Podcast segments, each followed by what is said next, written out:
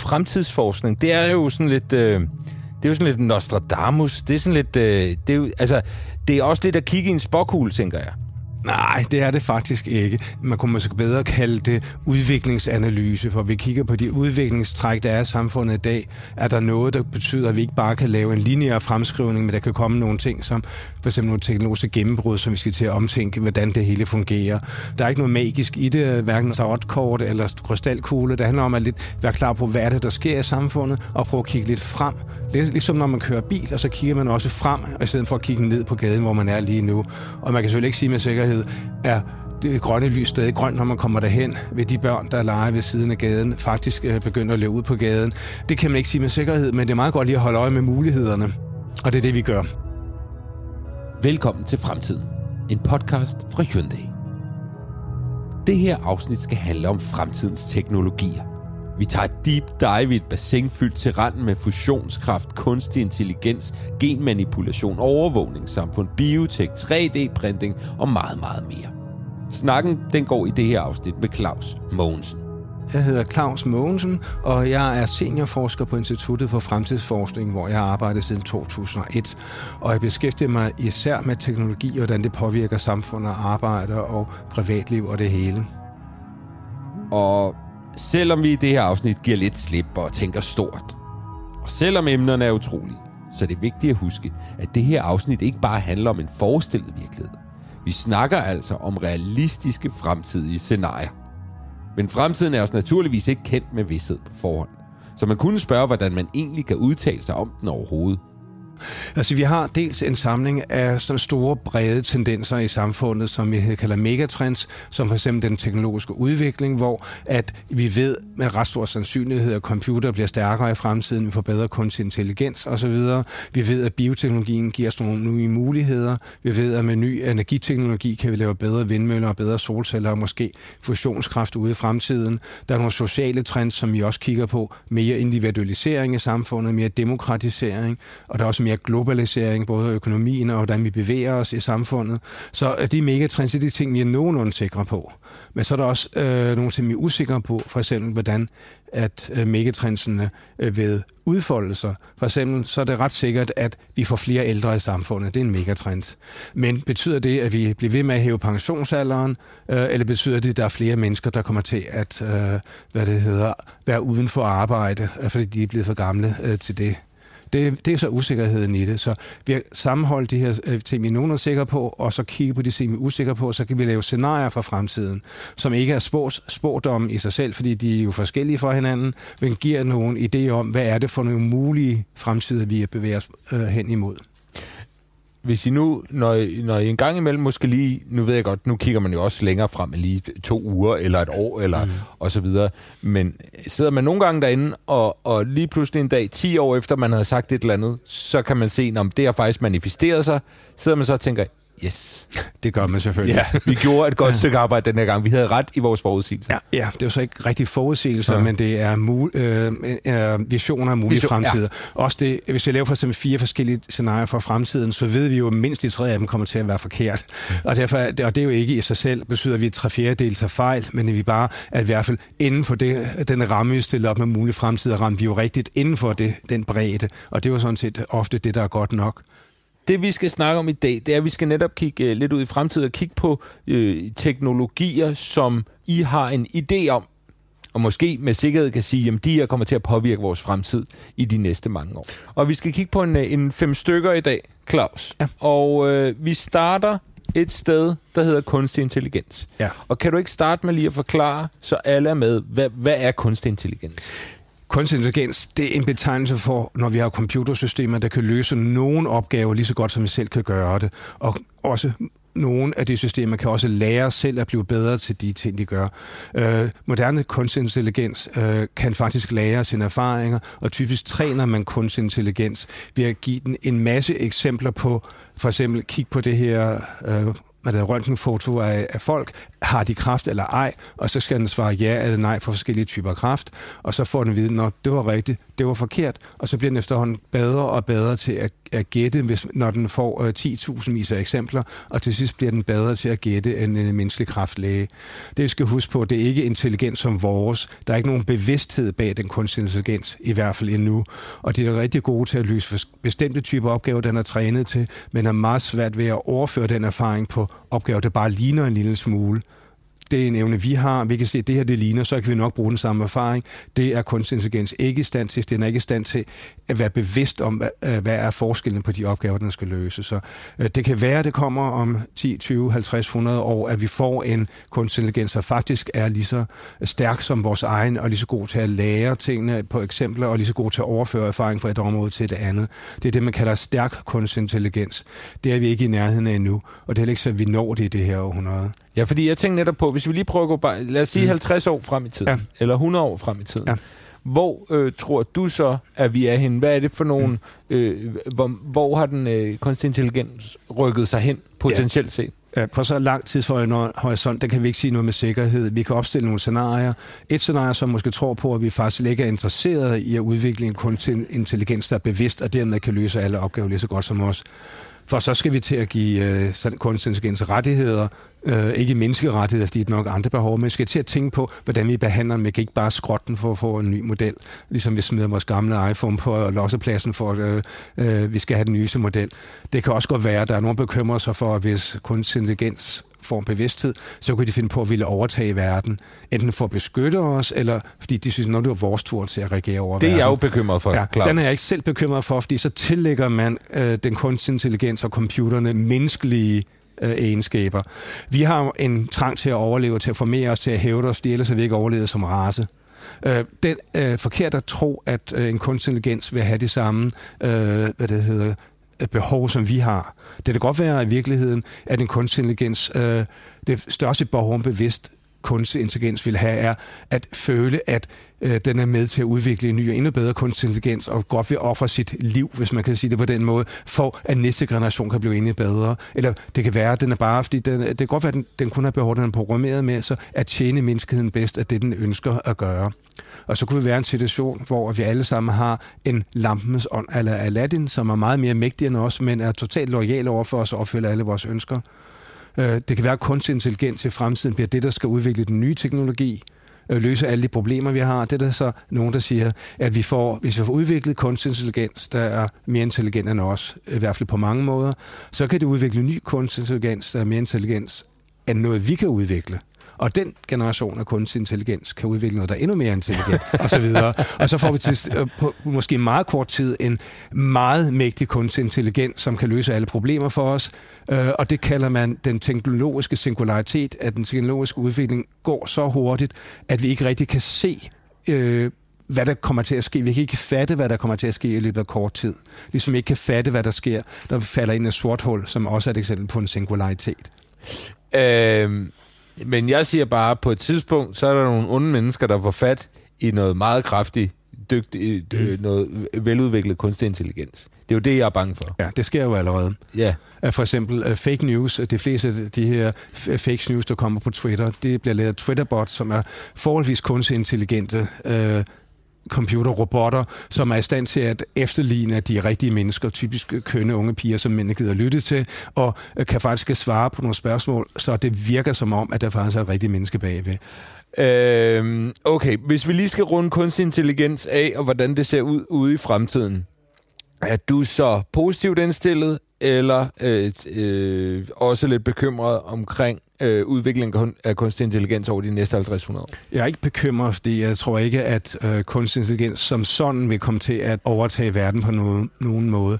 Det jeg kan være bekymret for, om der er nogle mennesker, der vælger at misbruge kunstig intelligens, for eksempel til overvågning, hvor alle vores små bevægelser, som vi allerede bliver registreret, via vores mobiltelefoner, vores dankort, øh, at det bliver brugt til at analysere alting, vi laver, og øh, så kan man jo sådan overvåge os mere, end vi måske synes er sjovt.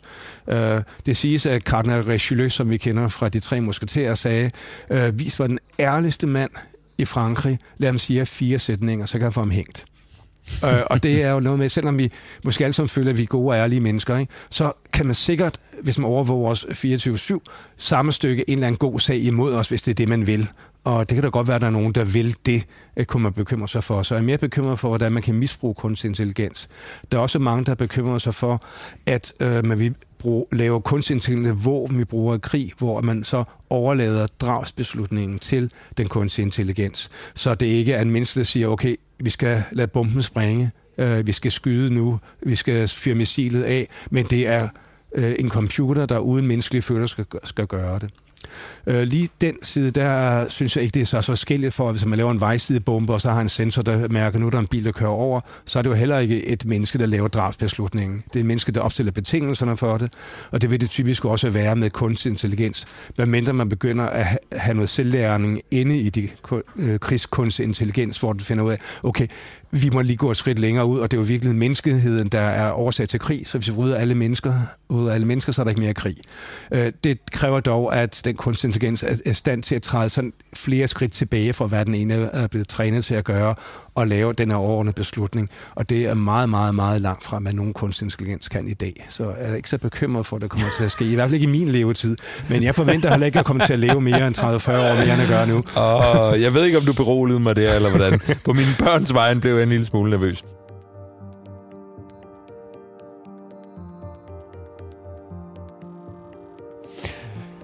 Claus, vi skal snakke om øh, biotek. Ja.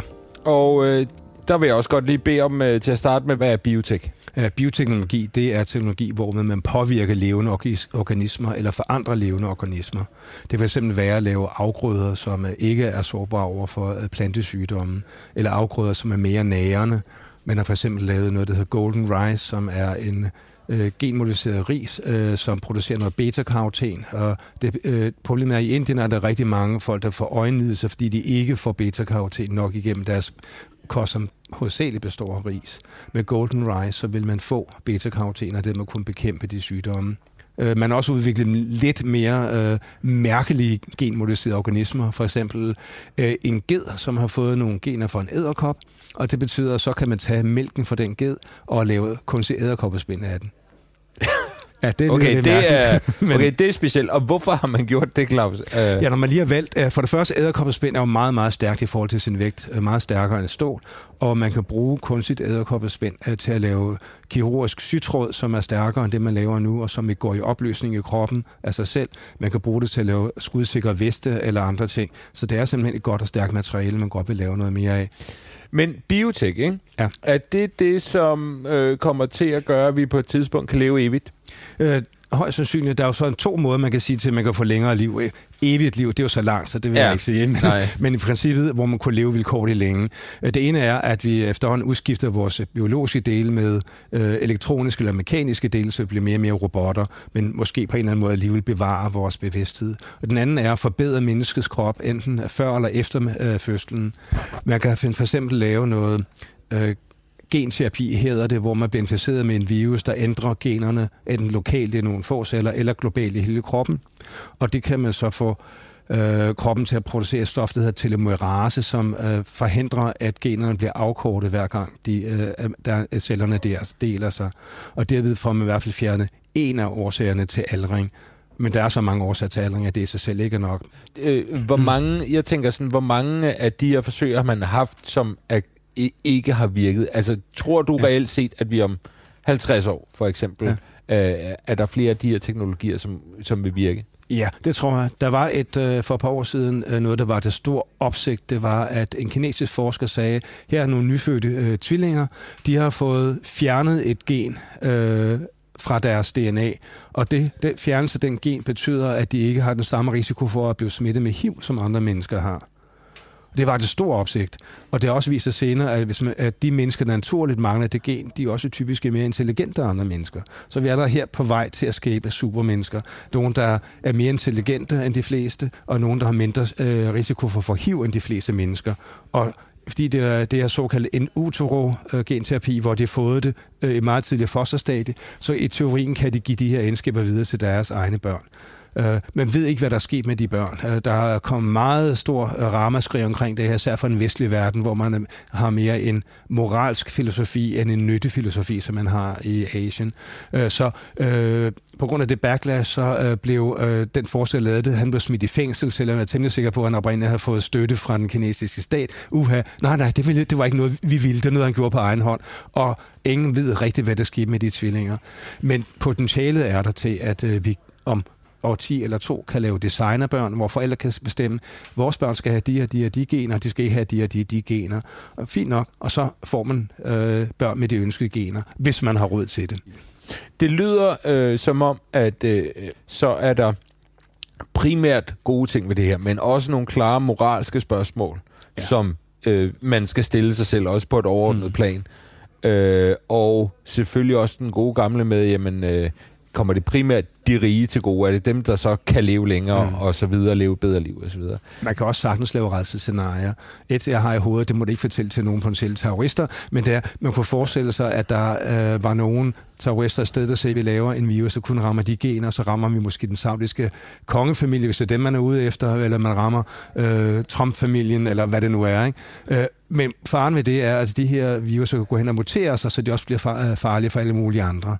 Vi er stadig meget langt fra det scenarie, ja. øh, men man kan også øh, genmanipulere nogle eksisterende viruser, så de bliver mere dødelige. Faktisk øh, en af de fugleinfluenzaer, man har at man havde for 10 år siden. Der har no, øh, det smittet kun med berøring, øh, men nogle forskere i Holland har lavet en udgave, der smitter gennem luften, og da de testede ved at have øh, nogle mink i en ende af rummet, og nogle andre mink i den anden ende af rummet i mink, så døde alle dem i den anden ende af den smitte her. Og hvorfor gør man så det, kan jeg se dig spørge. Og det gør man, fordi at den mutation kunne også opstå i virkeligheden. Og så kunne man, kan man med denne her øh, kunstigt skabte mutation prøve at finde nogen, øh, noget medicin eller vaccine imod denne her type øh, luftborgen fugleinfluenza, som man er forberedt på, og så håbe på, at øh, en tilsvarende mutation, der sker i virkeligheden. Og man passer meget, meget, meget godt på de prøver, man har af den her virus. Så, øh, og så håber vi bare, at det passer godt nok på det. Det satser vi på. Men jeg vil stadig sige, jeg er mere... Altså, jeg synes, det er... Altså, hvad lægevidenskaben kommer til at kunne udrette ja. i løbet af de næste 50-100 år det er allerede ret fantastisk nu, når jeg ser nogle af de ting, man kan. Bestemt. Og det her skubber vel bare på den udvikling. Det gør det, ikke? Og øh, man øh, snakkede for 10 år siden om, at nu ville have den biologiske revolution, og det igen, som det ofte gør, gået noget langsommere end håbet på. Især genterapi tager længere tid at få udviklet, så det fungerer øh, på en forsvarlig måde, hvor man bruger det på mennesker. Øh, men det kommer til at ske,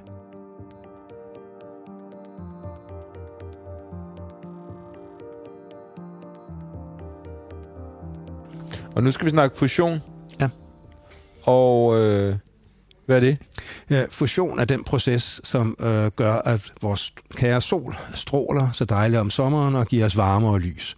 Og det er en form for atomkraft, som til forskel fra dem, vi har øh, bruger i dag i atomkraftværket, der hedder fission, øh, ikke har noget øh, langtidsradioaktivt affald. Og nogle af de fusionsprocesser, man kender til, giver slet ikke noget radioaktivt affald. Øh, og, øh, så det er så, det her, der kommer til at redde klimaet? Øh, måske, men øh, lige for snart ja, det, at det, der også er fordelen ved det, er, at det kræver ikke nogle meget sjældne øh, grundstoffer, som øh, øh, hvad det hedder, uran og plutonium osv. Det er i princippet brint og helium, man bruger til det. Dog nu varianter af brint og helium, som ikke er de mest almindelige. For eksempel, når det gælder brint, så det er det, der hedder deuterium, og det, der hedder tritium, som er nogle øh, brintatomer, der indeholder en eller to neutroner, hvor almindelige brintatomer øh, ikke indeholder nogen. Og tilsvarende helium-3, som er et øh, heliumkerne, der mangler en neutron, er også rigtig godt. Men det er ikke noget, der er særlig almindeligt, men man kan fremstille den øh, på forskellige måder. Der er faktisk en masse, ved man, helium-3 på månen, så der er også nogen, der snakker om, at vi skal til månen og lave minedrift på helium-3 og sende det tilbage til jorden. Der er lavet på film om det. Øh, for eksempel den film, der hedder Moon. Men anyway, hvis vi får styr på øh, fusionsprocesserne, det kræver meget højt tryk og meget høj temperatur, så man skal undgå, at den plads, man laver, kommer i berøring med selve reaktoren, fordi så øh, fordamper alting. Men det gør man så med nogle magnetfelter, og det er ret svært at styre, så man har den proces i længere tid.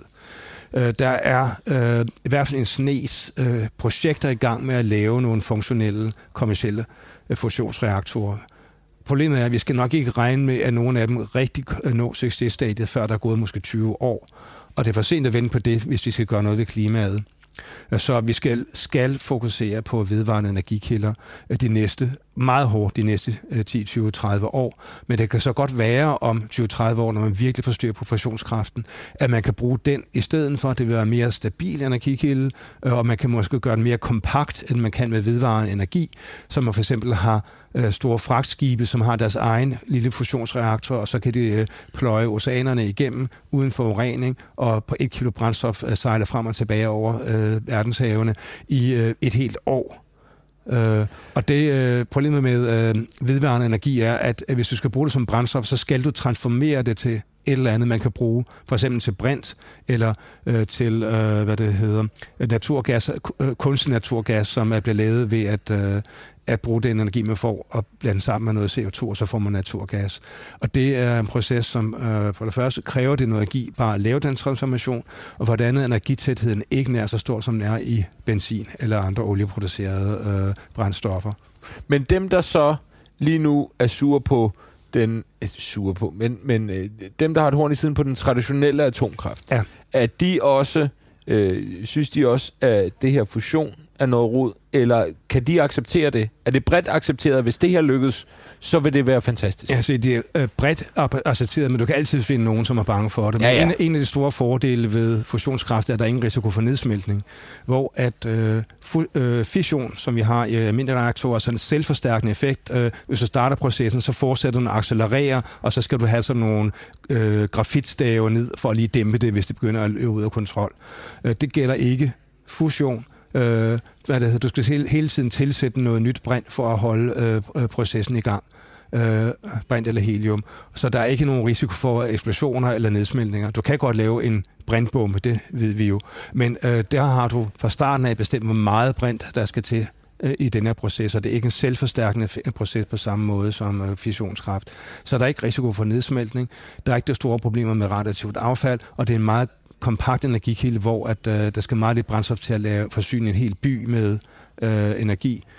Hvis nogle af de projekter, der er i gang med at lave en lille, meget kompakt fusionsreaktor, kommer forestille sig noget, et kraftværk på størrelse med en villa, der kan øh, levere øh, kraft til noget, der svarer til en dansk provinsby det skal vi, det, er, er vi selv i gang? Er vi i gang i Danmark med det her? Øh, altså, der har været, øh, jeg tror ikke, der har været en helt stor forskning i Danmark, i Paris Swift. Det er nogle meget store og meget dyre projekter. Øh, faktisk er der et fælles japansk-europæisk projekt, der hedder ITER, øh, hvor man har i de sidste 20 år har bygget på en forsøgsreaktor nede i øh, Frankrig i sted, øh, og man finder først, at den er færdig om 10 år, og det er bare en, en forsøgsreaktor, hvor man håber på at få vide nok til at lave en kommersiel reaktor derefter. okay. Men så er der både nogle private øh, firmaer og universiteter rundt omkring i verden, der har deres andre forsøg med fusionskraft, hvor de prøver at lave øh, nogle lidt anderledes modeller, hvor man måske kan gøre det mere kompakt, måske hurtigere kan komme frem til en løsning. Og min forhåbning er, fordi der er så mange projekter, at måske en af dem vil komme frem til noget, der kan bruges i løbet af de næste 10-20 år. Og så skal man så regne med, at der måske gå øh, i hvert fald 10 år mere, før vi har det i en kommersiel model, øh, som kan bruges til at give os energi til vores hjem og til vores biler eller til vores både. Og så Men det lyder som verdens bedste idé. Øh, det lyder som en rigtig god idé, men vi skal bare ikke sige, læne os tilbage og vente på, at den kommer, fordi det når ikke at komme til at være det, der skal dæmme op for klimaforandringerne. Der er vi nødt til at handle hurtigere end det. Men når det sker, så giver det en masse muligheder. Det kan fx også øh, give øh, kraft til øh, rumskib, vi sender afsted mod de ydre planeter eller mod andre stjerner. Øh, det kan give kraft til, øh, man håber også på at måske kunne lave store fragtfly, der er fusionsdrevne, så vi kan få meget hurtigt fragt af varer uden forurening. Jeg skriver nogle mails og bakker op om, øh, om, om øh, fusion. Det lyder fuldstændig fantastisk. Der er ingen tvivl om, at fremtidens biler bliver anderledes end nutidens. Ligesom mennesker kan se, føle og mærke forskellige ting i trafikken, er bilerne blevet udstyret med mere og mere teknologi, der gør dem i stand til at forstå sine omgivelser. Hyundai's biler benytter allerede i dag mange teknologier, der gør det mere sikkert at færdes i trafikken. Hvad der for blot få år siden ville lytte som en fjern fremtid, bliver til virkelighed til næste år. For for første gang nogensinde i en Hyundai bliver et 44-tommer head-up display tilgængeligt. Displayet projicerer vigtige informationer på forruden, og lidt ligesom virtual reality viser displayet der navigationsanvisninger, speedometer, radio og meget mere. Med den teknologi vil bilen være i stand til at koble sine sikkerhedssystemer på displayet og overføre visuelle advarsler til føreren. Eksempelvis hvis der kommer et sving forud, kan displayet vise pile, der guider føreren sikkert rundt.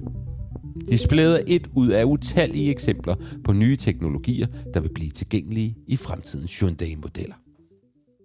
Nu skal vi til noget, som... Øh, altså, vi skal snakke 3D-printer. Ja. Og øh, når jeg tænker 3D-printer nu, for de er her jo, så mm. tænker jeg sådan et, øh, sådan et hyggenørderi på en eller anden måde. Nogen, der printer en, en lille sjov kop eller et eller andet. Men, men hvor er vi nu? Fordi de bliver vel allerede nu brugt til nogle, nogle, nogle gode og vigtige ting, tænker jeg. Ja, man kan sige, det er rigtigt, de der hobbyprinter, de er, svarer måske lidt til de printer, man havde i hjemmet i 1980'erne, som kunne lave sådan en meget dårlig farvebillede, og man ikke rigtig kunne være bekendt at aflevere en stil, der var printet på den, fordi det så så grimt ud. Ikke? Men øh, det er det øh, niveau, at hjemmeprinterne er. Det er meget hyggeligt nørdet, men øh, de kan ikke bruges til det helt store og spændende. Ej. Men det findes der andre 3D-printer, der kan. Og der er virksomheder, der bruger 3D-printer til at lave dele af kommercielle ting. For eksempel flyselskaber. Øh, vingetipperne til øh, fly, det bliver 3D-printet, fordi det er nemmere at 3D-printe, end at lave den på traditionelle måder med støbning eller smedning og svejsning. Og der er også nogle bilfabrikanter, der laver dele af det. Der er, der er lavet forsøg med at 3D-printe en hel bil, og den virker. Den er så 3D-printet i øh, en halv stykker, som skal skrues sammen eller svejses sammen, men den virker. Man har også 3D-printet huse øh, flere steder, forskellige steder i verden, blandt andet i Kina, øh, hvor det igen består af, at man har 3D-printet nogle elementer, som så skal fragtes ud og laves. Tror du, mine øh, børn og børnebørn og så videre, altså det her med, med, med, med for eksempel med huse, tror du, det også kan gå hen og simpelthen øh, komme så, så stort ind i byggebranchen, at man siger, det bliver nærmest normen, at vi 3D-printer, fordi det er nemmere, det er bedre, det er mere holdbart, det er og så det kunne det blive, men vi skal også huske på, at øh, der er sket meget udvikling i byggebranchen. Og når man bygger et hus i dag, så øh, kører man en masse elementer hen og smækker sammen. Og det er sådan nogle, der er lavet på en fabrik, de elementer. Det er også en måde at gøre det på.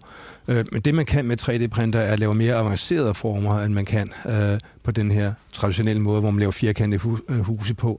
Laver nogle meget runde former, der er bygget i et stykke, stykke så det hænger meget godt sammen. Og man kan faktisk øh, 3D-printe med flere materialer, så ledningerne de er printet ind i væggen fra starten af, og øh, vedløbsrørene fra toiletter og fra håndvasker, de er også printet ind i murene, som ikke skal til at skifte rør, der ligger hele tiden. Det er simpelthen lavet i et stort stykke øh, efterhånden, som man 3D-printer det. Så det er de muligheder, der gør. Og der er eksempler på 3D-printede bygninger, som ser meget mærkelige ud. Øh, og det øh, giver så mulighed for at være designer på en helt anden måde. Altså murer som sådan, de øh, har svært ved at lave ret meget andet end en helt almindelig firkantet ting. Man kan godt lave nogle buer og sådan noget, men det er mere kompliceret. Men 3D-printer er jo ret lige glæde med, om det er en firkantet bygning eller en øh, underlig elliptisk snoret bygning, de skal lave. De følger bare de ordre, de har fået, og så går det derud af. Det er jo, det er jo ret sejt. Det er, er, det, er det i vores levetid? Det er, eksisterer allerede nu. Det skal bare gøres en lille smule billigere og hurtigere. De, der er... Øh, nogle store problemer med 3D-printer nu. Det første er, at de er meget langsomme. altså, det tager virkelig lang tid at lave de ting. Og hvis man skal, så skal lave øh, en masse af dem, så er det lang tid at vente på, at det bliver mm. færdigt. For en flyfabrikant, det er jo ikke så mange øh, fly, de laver hver dag. Så det, øh, der kan det godt vente på, at lige at, at, at printeren sidder og, og laver øh, flyvingen færdig, uden at sådan sidder og trummer i bordet og siger, hvornår bliver du færdig? Men til mange andre ting, så tager det altså bare for lang tid. Det skal vi så være hurtigere til. Og så er det også det, det er lidt sværere breve at, at at bruge en, en almindelig øh, papirprinter, hvor man bare lige sætter et dokument til print, og så sker det. For eksempel nogle øh, former, øh, de ville falde sammen i 3D-printer, før de var færdige. Det skal man så huske at også printe nogle ting, der understøtter det med, øh, hvis man bruger sådan en almindelig øh, plastik 3D-printer, som man har hjemme.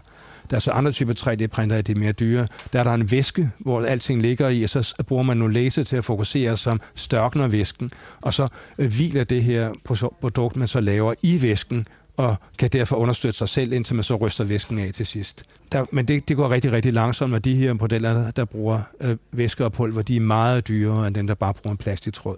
Så det er for dyrt, det er for besværligt, og det er for langsomt endnu. Øh, men vi går fremad og kan mere og mere med dem. Øhm, er det et, et realistisk scenarie, hvis min øh, søn skal have øh, en, en ny nyre, for eksempel, mm. om 60 år, at der er en 3D-printer involveret i den proces? Det er meget sandsynligt, vil jeg da sige. netop fordi vi mangler donororganer, og det donororganer, som vi har i dag, det er ikke særlig gode, fordi øh, de øh, kroppen prøver hele tiden at afstøde, hvis man ikke tager immunodepressiver. Så at lave deres stamceller, og det bliver 3D-printet, eller lave en helt kunstigt hjerte, kun af plastikmaterialer, 3D-printet, det øh, bliver helt sikkert fremtiden for donororganer. Det kan også være, at vi laver nogle kunstige hjerter og, og så videre, som er mere effektive end vores naturlige hjerte, øh, så vi kan komme til at leve længere på den konto. Det kan, øh, der er jo nogen nu, der har fået kunstige hjerter, som der ikke banker som vores og sender det ud i pulser, men faktisk har en lille propel, som skubber øh, blodet rundt i et jævnt tempo. Jeg tænkte også på, at man kunne... Havene stiger og sådan noget. Tror du ikke også, man kan 3D-printe hele kunstige øer på et eller andet tidspunkt, så vi ligesom redder os selv, øh, øh, når vandstanden er steget så meget, at vi alle sammen ligger under vand? Kunne man måske godt med spørgsmålet af, om 3D-printning er den rigtige proces til det.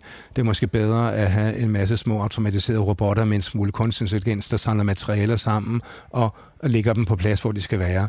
Øh, fordi det går nok lidt hurtigere end øh, 3D-printer. Det vil også skulle huske på, selvom 3D-printeren bliver bedre og bedre og bedre, så bliver øh, traditionelle produktionsmetoder også forbedret, så vi får bedre robotter i fabrikkerne, der skal, øh, der skal samle eller svejse, eller hvad det nu er, af ting, man laver, og bedre måder at lave sprøjtestøbning osv. Så, så at det hele øh, konkurrerer med hinanden, der er også en konkurrent til 3D-printer, der hedder 3D-fræser. Man tager en blok af for eksempel træ, glas, stål, øh, eller hvad det nu er, eller sten, og så har man en masse øh, meget, meget skarpe knive, der bliver styret af computere i tre dimensioner, og så kan de øh, skære for eksempel en lille statue, eller hvad man har lyst til, ud af den her blok, eller hvad man ellers har lyst til. Det er så også noget, der bliver mere og mere avanceret og har samme fleksibilitet som 3D-printer, bortset fra, at de ikke har samme evne til at blande materialer, som 3D-printere har hvert fald de mere avancerede. Så det kan også blive noget, man kommer til at se mere af. Og det betyder, at det er de her kromolyrer, man kan skabe på huset. Hvis du kunne godt vil have sådan en drage for enden at, at, at, at, at taget af træ, ligesom de gamle vikinger havde, så kan du få den lavet med en 3D-fræser. Fremtiden. Det bliver for fedt.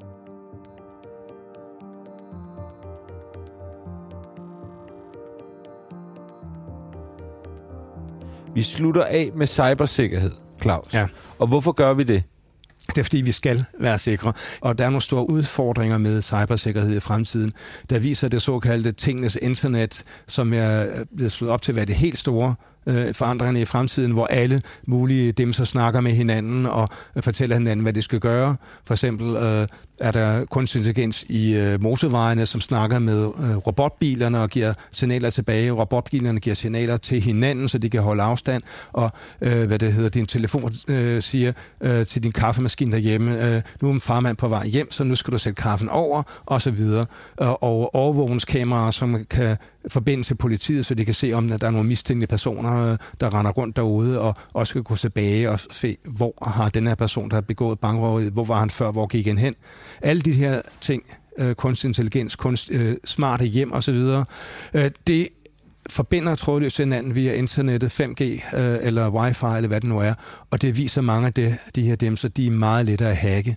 For eksempel nogle overvågningskameraer, hvor dem, der stillede, de fleste, der stillede dem op, ændrede ikke fabrikspasswordet. Så man, det, man kunne bare gå ind på nettet og hacke de overvågningskameraer og se igennem dem.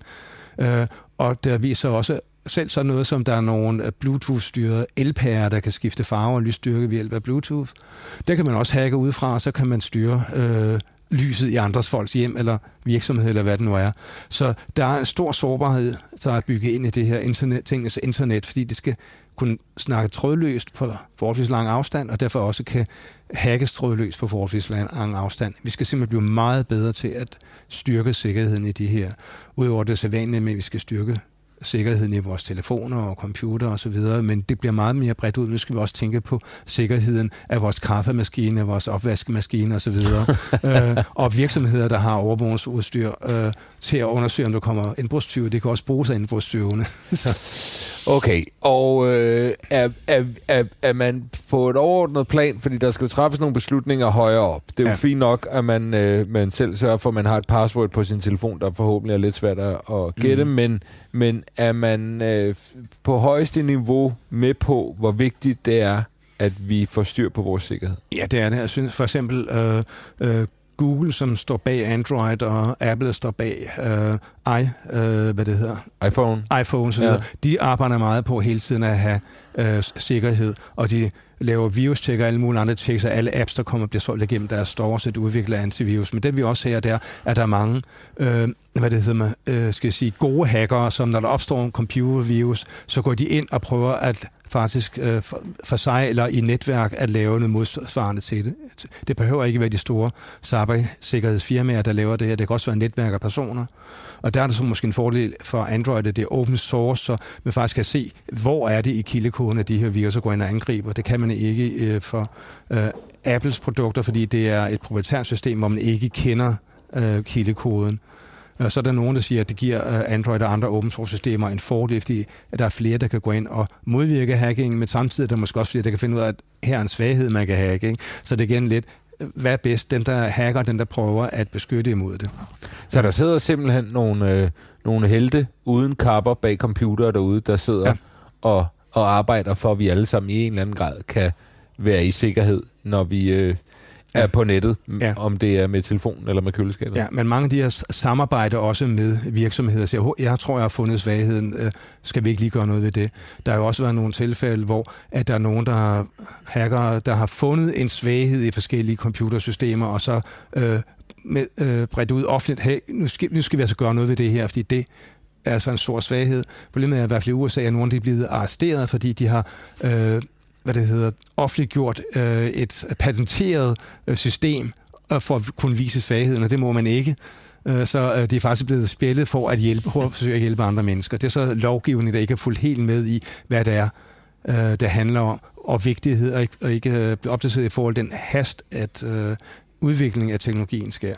Utak af verdens land. Det er det, ikke? Så ligesom at uh, whistleblowers også ofte er blevet straffet, ikke? Uh, bare se på Snowden for eksempel, og uh, uh, Chelsea Manning, Manning ja. ja. som ikke lige for meget så meget godt ud af, at, at, at være whistleblowers afslører nogle store ulovligheder. Hvis man lige skal, jeg ved ikke, om man kan sige noget, kan man sige noget om, hvor vi er cybersikkerhedsmæssigt om 50 år?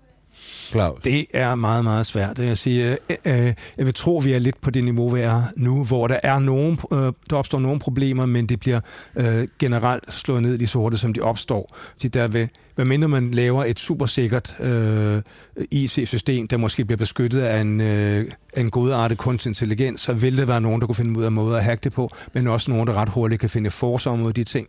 Og hvis man ikke nødvendigvis bruger præcis det samme operativsystem alle sammen, øh, så er ikke helt så sårbare. Hvis alle sammen går hen og bruger præcis samme udgave af Windows, eller Android, eller iOS, øh, så er det også nemmere at hacke øh, os alle sammen. Så måske skal vi i virkeligheden til at vende os til, at vi skal bruge meget forskellige operativsystemer til meget forskellige ting, så at der ikke er én virus, der kan lægge det hele ned. Claus, det var mega spændende, mega interessant, lille smule skræmmende, men stadig opløftende, synes jeg. Øh, er du optimistisk på fremtidens øh, vegne? Det er jeg, men med, jeg synes også, en vis forsigtighed er vigtig. Ikke? Så, og hvad det hedder, forsigtig optimisme, tror jeg, er, den, øh, er det bedste måde at beskrive det på. For vi skal ikke bare tro, at alting løser sig selv ved hjælp af teknologien, men vi skal heller ikke være paranoid og sige, åh nej, alting går af helvede til på grund af teknologien. Vi skal bare være opmærksomme på de faldgrupper, der er i, med forskellige teknologiske udviklinger, for eksempel overvågende samfund, misbrug af genteknologi øh, osv. osv.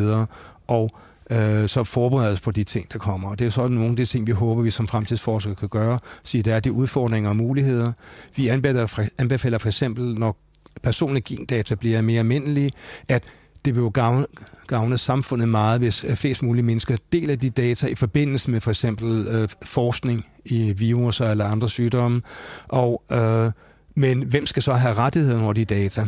Der anbefaler vi, at øh, individer selv har alle rettigheder over, der selv skal bestemme case by case, vil vi give tilladelse til, at de her data bliver brugt til for det forskning, eller til det forskning, i stedet for bare at give tilladelse til al forskning og alt andet brug.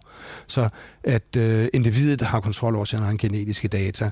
Øh, og det er så noget, vi har foreslået nu, før det rigtig bliver aktuelt, øh, eller i meget aktuelt, og fordi det er vigtigt, at man har øh, en god idé til, hvad man skal behandle problemerne, de mulige problemer med, at øh, det bliver almindeligt, at alle kender deres egne genetiske data, måske kommer til at dele dem med lidt for mange virksomheder eller mennesker, ligesom vi deler lidt for mange af vores data, når vi downloader en gratis app, for selvfølgelig er den ikke gratis.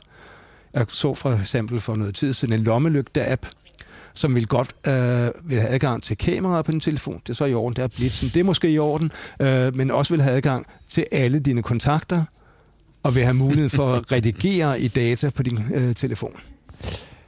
Og det kan man godt tænke, hvorfor i alverden skal den lommelygte-app ja. bruge alle de tilladelser? Ja, og det skal man selvfølgelig for at kunne sælge de informationer videre til, øh, til andre. Ikke? Så der er ikke noget, der er gratis her i livet, og gratis apps, de kan vise sig at være meget dyre.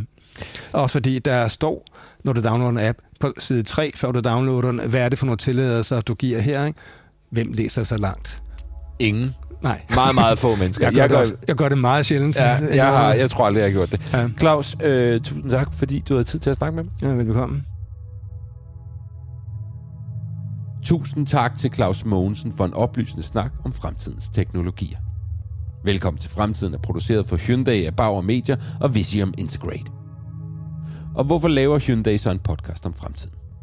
Det at tænke ind i fremtiden er noget Hyundai har gjort, siden de byggede deres første bil i 1967. Ambitionen har altid været at udvikle nye teknologier og udfordre vanerne. Læs mere om Hyundais biler på hyundai.dk. Jeg hedder David Mantel. Musikken i podcasten er komponeret af Rasmus Hermann. Produktion er klip af Martin Birgit Schmidt. Og redaktør var Rune Born Svarts.